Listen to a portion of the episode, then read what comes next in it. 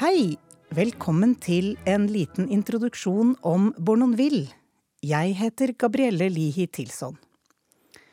Bournonville er for danskene det Balanchine er for USA, er det blitt sagt. I denne forestillingen får du et innblikk i den unike ballettstilen der danserne nærmest svever over scenen.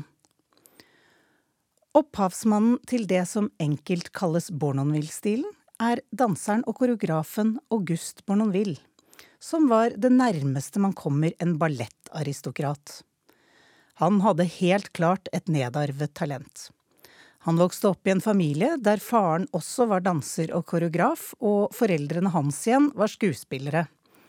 Faren, Antoine Bournonville, var fransk, førstedanser og ballettinstruktør på Kungliga Operaen i Stockholm, fram til 1792, da kong Gustav 3. av Sverige ble henrettet. Da forlot han Sverige, og ble ansatt på Den kongelige ballett i København. Kongen selv skal ha sagt om ham at han lignet guden Apollon, og at han i tillegg hadde en virtuositet i sin danseteknikk.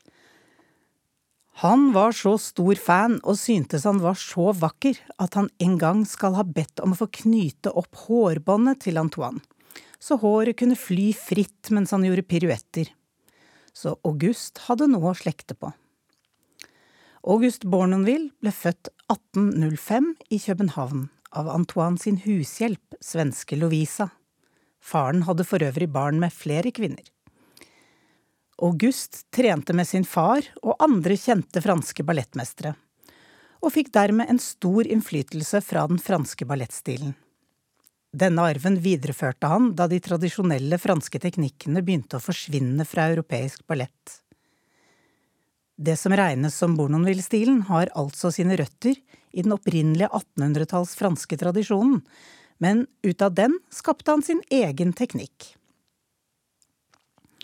Hovedelementene i teknikken er at danseren skal ha en naturlig ynde. Det skal være dramatisk, og musikken og kroppen skal være i harmoni.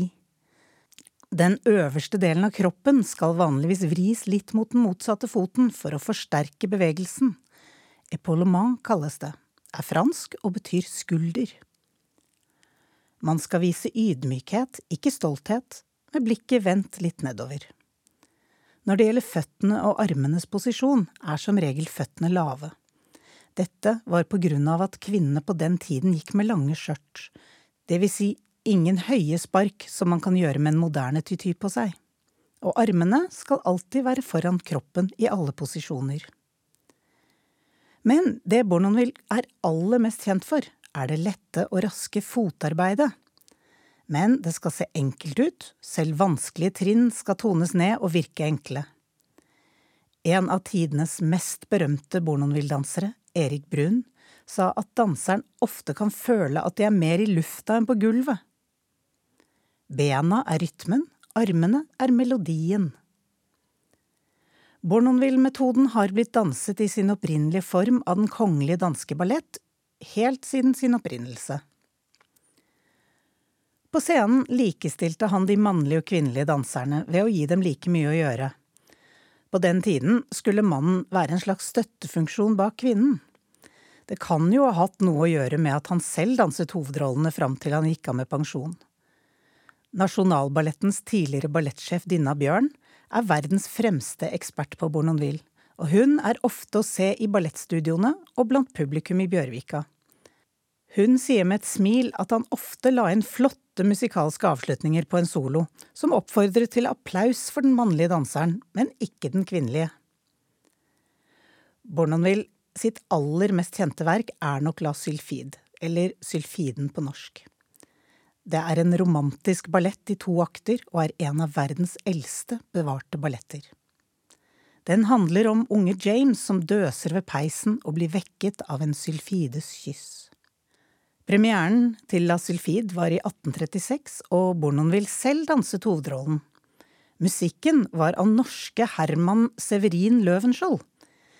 Direktørsønnen Herman ble født på Ulefoss, og familien flyttet tidlig til Danmark, hvor han utdannet seg innen musikk, og balletten Sylfiden ble hans debut som komponist.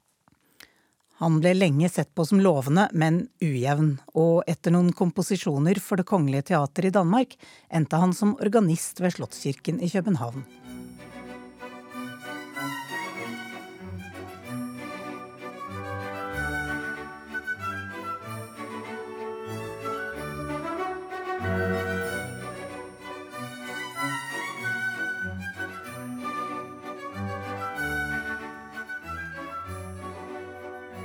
Under et besøk i Napoli ble Bournonville så inspirert av fargen og stemningen at han koreograferte et annet verk som er kjent for nordmenn, og som har blitt danset av Nasjonalballetten. Napoli.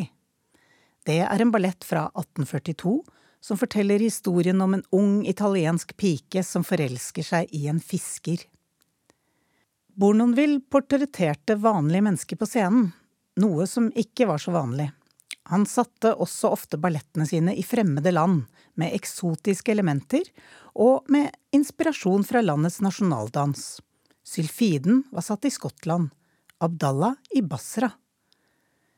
Det er Dina Bjørn som nå er tilbake i Oslo for å gi oss en unik og underholdende Bournonville-bukett, som består av utdrag fra Napoli, blomsterfesten i Genzano og Ponte Molle, som var hans italienske balletter. Dinna sier at for publikum betyr Bornonville danseglede. Det betyr mye hopp og store sprang. Vanskelig å få til for danserne, og fantastisk for oss. God fornøyelse.